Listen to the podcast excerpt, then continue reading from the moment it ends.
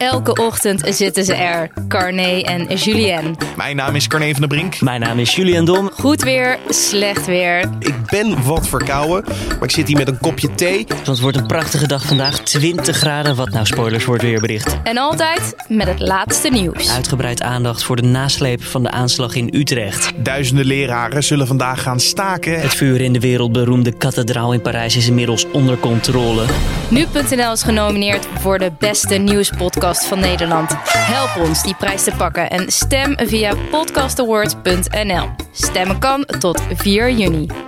Een hele goede morgen. Het is vandaag maandag 3 juni 2019. Mijn naam is Carne van der Brink. Ik hoop dat je een fijn weekend hebt gehad. Ik denk dat dat wel goed zat met het heerlijke weer. Nou, ik ga je natuurlijk vertellen straks wat voor weer het vandaag gaat worden.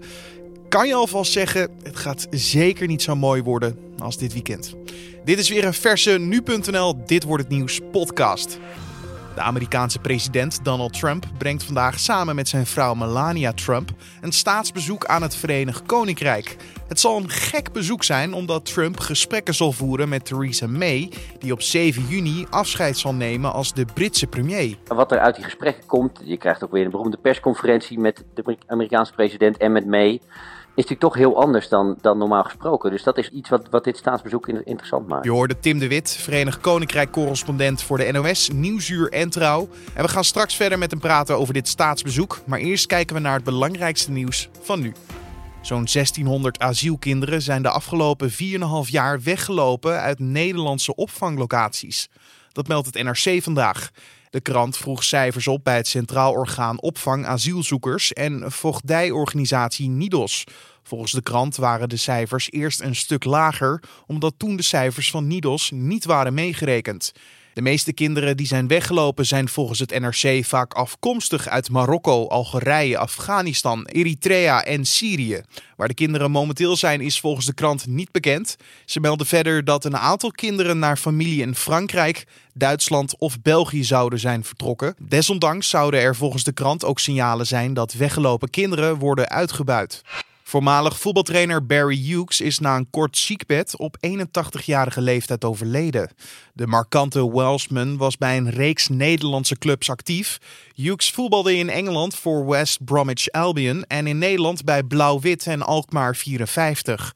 Hij werd vooral bekend als trainer en geldt als de ontdekker van voormalig Oranje-aanvoerder Ruud Gullit, die hij op 16-jarige leeftijd naar HFC Haarlem haalde. Hughes trainde verder ook Alkmaar 54, Go Ahead Eagles, Sparta Rotterdam, FC Utrecht, MVV en FC Volendam. In 1988 beëindigde hij zijn loopbaan na zijn tweede periode bij Sparta. En bij een wedstrijd tussen Haarlem en AZ 67 zorgde Hughes in 1978 voor een legendarisch tafereel. Hij kreeg het langs de lijn aan de stok met AZ-coach George Kessler en blies treiterend met een rolfluitje naar zijn collega. Een filmpje daarvan kan je vinden op nu.nl. En Barry Hughes is 81 jaar oud geworden. Bij protesten in de Albanische hoofdstad Tirana zijn zondag drie gewonden gevallen. Dat meldt persbureau AFP. De demonstranten willen dat de socialistische premier Edi Rama aftreedt. De Albanische politie probeerde de demonstranten te verjagen en gebruikte traangas en waterkanonnen. Enkele politieagenten werden ook door demonstranten bekogeld met rotjes, stenen en rookbommen. En de demonstranten riepen onder andere dingen als Rama ga weg en corrupte regering. In Albanië vinden al maanden demonstraties tegen de regering plaats. De demonstranten beschuldigen de Albaanse premier van verkiezingsfraude en corruptie. Zo werd het kantoor van de premier enkele weken geleden ook al bekogeld met benzinebommen door gemaskerde demonstranten. Kevin Hassett, een belangrijke economische adviseur van de Amerikaanse president Donald Trump, vertrekt. Hassett stond sinds 2017 Trump bij en was eerder ook werkzaam voor de presidenten Bill Clinton en George W. Bush. Trump maakte het vertrek bekend op Twitter, maar noemde geen reden. Ook is niet duidelijk of Hassett zelf vertrekt of dat hij is ontslagen. Kevin Hassett heeft enorm goed werk geleverd voor mij en de regering, zo schrijft Trump op Twitter. Zijn enorme getalenteerde vervanger maak ik bekend als ik terug ben in de Verenigde Staten. Kevin is een echte vriend. En dan kijken we naar de dag van vandaag, oftewel dit wordt het nieuws. De Amerikaanse president Donald Trump brengt vandaag samen met zijn vrouw Melania Trump een staatsbezoek aan het Verenigd Koninkrijk. De Trumps zullen niet voor één dag overvliegen, maar ze verblijven drie dagen in het Verenigd Koninkrijk. Trump was in juli vorig jaar ook al in Engeland, maar toen was het niet voor een officieel staatsbezoek. In Londen gingen toen tienduizenden mensen de straat op om tegen Trump te demonstreren. Naar verwachting zal dat deze keer ook weer zo zijn. Om precies te weten wat de Amerikaanse president de komende dagen allemaal gaat doen, dat moeten we aan Tim de Wit vragen. Hij is correspondent in het Verenigd Koninkrijk voor de NOS, Nieuwsuur en Trouw. Want Tim, kan je ons vertellen hoe het er de komende dagen uit gaat zien? Nou ja, is toch wel een veel besproken bezoek geweest al een aantal jaren. Want zoals je misschien nog kan herinneren, heeft premier May. Uh, zij was de eerste buitenlandse leider die bij Donald Trump op uh, bezoek mocht in Washington. Uh, dan moeten we alweer terug naar begin 2017. En als tegenprestatie zei May toen tegen Trump: uh, mag jij op staatsbezoek in het Verenigd Koninkrijk? En dat is op zich natuurlijk uh, heel gebruikelijk dat de Amerikaanse president uh, die eer krijgt toebedeeld. Maar dit is natuurlijk nogal een, een atypische Amerikaanse president, want er was heel veel weerstand tegen die uitnodiging toen al. En daarom hebben ze er ook bewust vrij lang mee gewacht. Maar het gaat nu toch echt gebeuren. En uh, reken er maar op dat we uh, tijdens dit bezoek enorme demonstraties gaan zien, met name in Londen. En uh, het zwaartepunt daarvan zou op dinsdag liggen. Um, en verder is het ook wel een beetje een vreemd bezoek, omdat Trump natuurlijk met een premier te maken krijgt die er nog wel is, maar in feite natuurlijk niks meer te vertellen heeft, want zij gaat weg. dus het, de politieke component van dit staatsbezoek is ineens een hele andere. dus wat er uit die gesprekken komt, je krijgt ook weer een beroemde persconferentie met de Amerikaanse president en met May, is natuurlijk toch heel anders dan, dan normaal gesproken. Dus dat is, dat is ook wel een interessante ja, uh, iets wat, wat dit staatsbezoek interessant maakt. Jij weet natuurlijk heel goed hoe die, ja, eigenlijk die, die pracht en die praal eruit ziet. Omdat uh, vrij recent nog wel, en natuurlijk het bezoek van koning Willem-Alexander en koningin Maxima. Daar was jij echt vol bij. Uh, je hebt ook het, volgens mij het staatsbanket heb, je, heb je bijgewoond, toch? Ja, ja, absoluut. Hoe, hoe ziet zoiets eruut? nou, om een idee te geven, ja, dat heeft me nog wel een beetje achtervolgd natuurlijk, hè, dat staatsbanket. Dat heeft Arjen Lubach nog wel een leuke parodie op gemaakt. Ja, om even voor de duidelijkheid, je, je was enthousiast. Laten we daar even op houden. Ja, ja ik, en, uh, want ik werd toen vlak, toen ik net naar buiten kwam, uh, uh, geïnterviewd door de NOS trouwens zelf. En ja, dan, ik was, ik bedoel, het is natuurlijk een vrij bijzondere ervaring om, om, om binnen in Buckingham Palace... in die beroemde ballroom te eten. Allemaal van die ruimtes die je natuurlijk alleen maar kent, of uit documentaires, of uit The Crown, of en dan loop je daar ineens zelf tussen. Dus dat was inderdaad wel een vrij uh, bijzondere avond. Um, maar wat, uh, wat je dus krijgt is, uh, je, de president staat straks naast de Queen alle genodigden een hand te geven. Dat is in de Portrait Gallery, waar allerlei prachtige schilderijen hangen. nou, daar hangt echt miljoenen aan de muur daar. Verschillende Rembrandts hangen daar bijvoorbeeld tussen. Vermeers heb ik gezien. Um, en vervolgens ga je eten in de ballroom, zoals het heet. En dan heb je een hele lange U-vormige tafel in een prachtige zaal waar een, eh, een orkest speelt. En waar bijvoorbeeld speeches dan komen van eerst van uh, de Queen en dan van, uh, van Trump. Wat toch altijd even interessant is natuurlijk, wat Trump dan gaat zeggen. Hè? Daar zal veel aandacht voor zijn vanavond. Um, want sla, slaat hij inderdaad, hè, normaal gesproken, dat kan ik nog van Willem-Alexander herinneren, die slaat natuurlijk een hele vriendschappelijke toon aan. Die zei geen onvertogen woord bijvoorbeeld over Brexit. Hè. Dat zijn zo'n moment kies je natuurlijk niet om gevoelige politieke discussies uh, op te rakelen. Maar met Trump weet je dat natuurlijk nooit. Uh, hoe gaat hij dat doen? Dus daar is bijvoorbeeld wel veel aandacht uh, voor. En verder is het gewoon een, verder een diner waarin iedereen nu vreselijk chic is aangekleed. En waar denk ik niet zo heel veel mensen zijn hoor. Want bij het staatsbanket met Willem-Alexander en Maxima waren er geloof ik 120 genodigden. Veel meer mensen kunnen er ook niet in die zaal.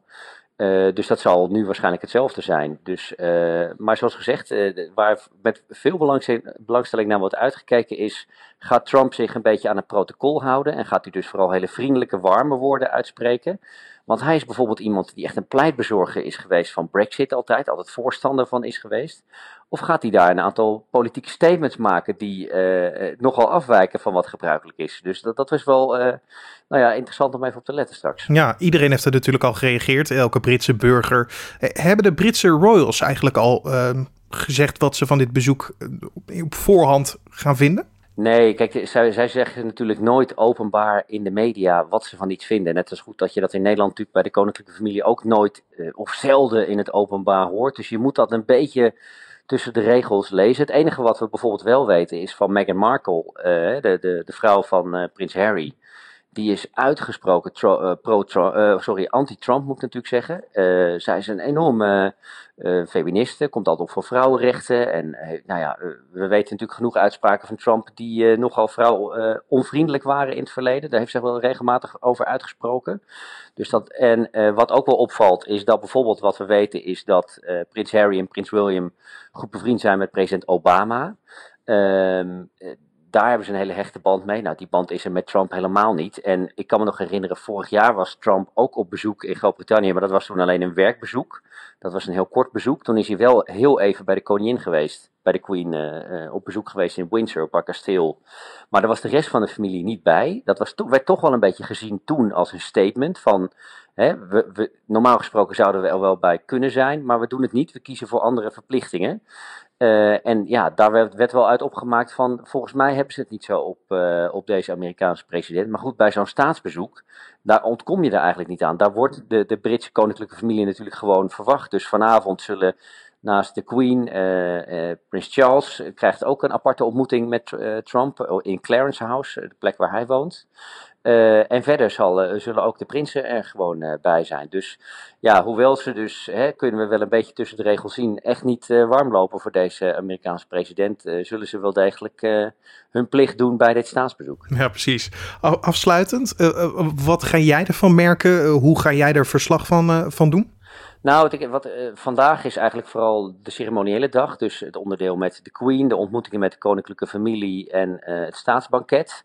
En morgen is meer een politieke dag. Uh, dan heeft hij ochtends heeft hij ontmoetingen met mensen uit het Brits bedrijfsleven, Trump. En smiddags heeft hij ontmoeting met premier May en ook met, of komt er ook nog een persconferentie.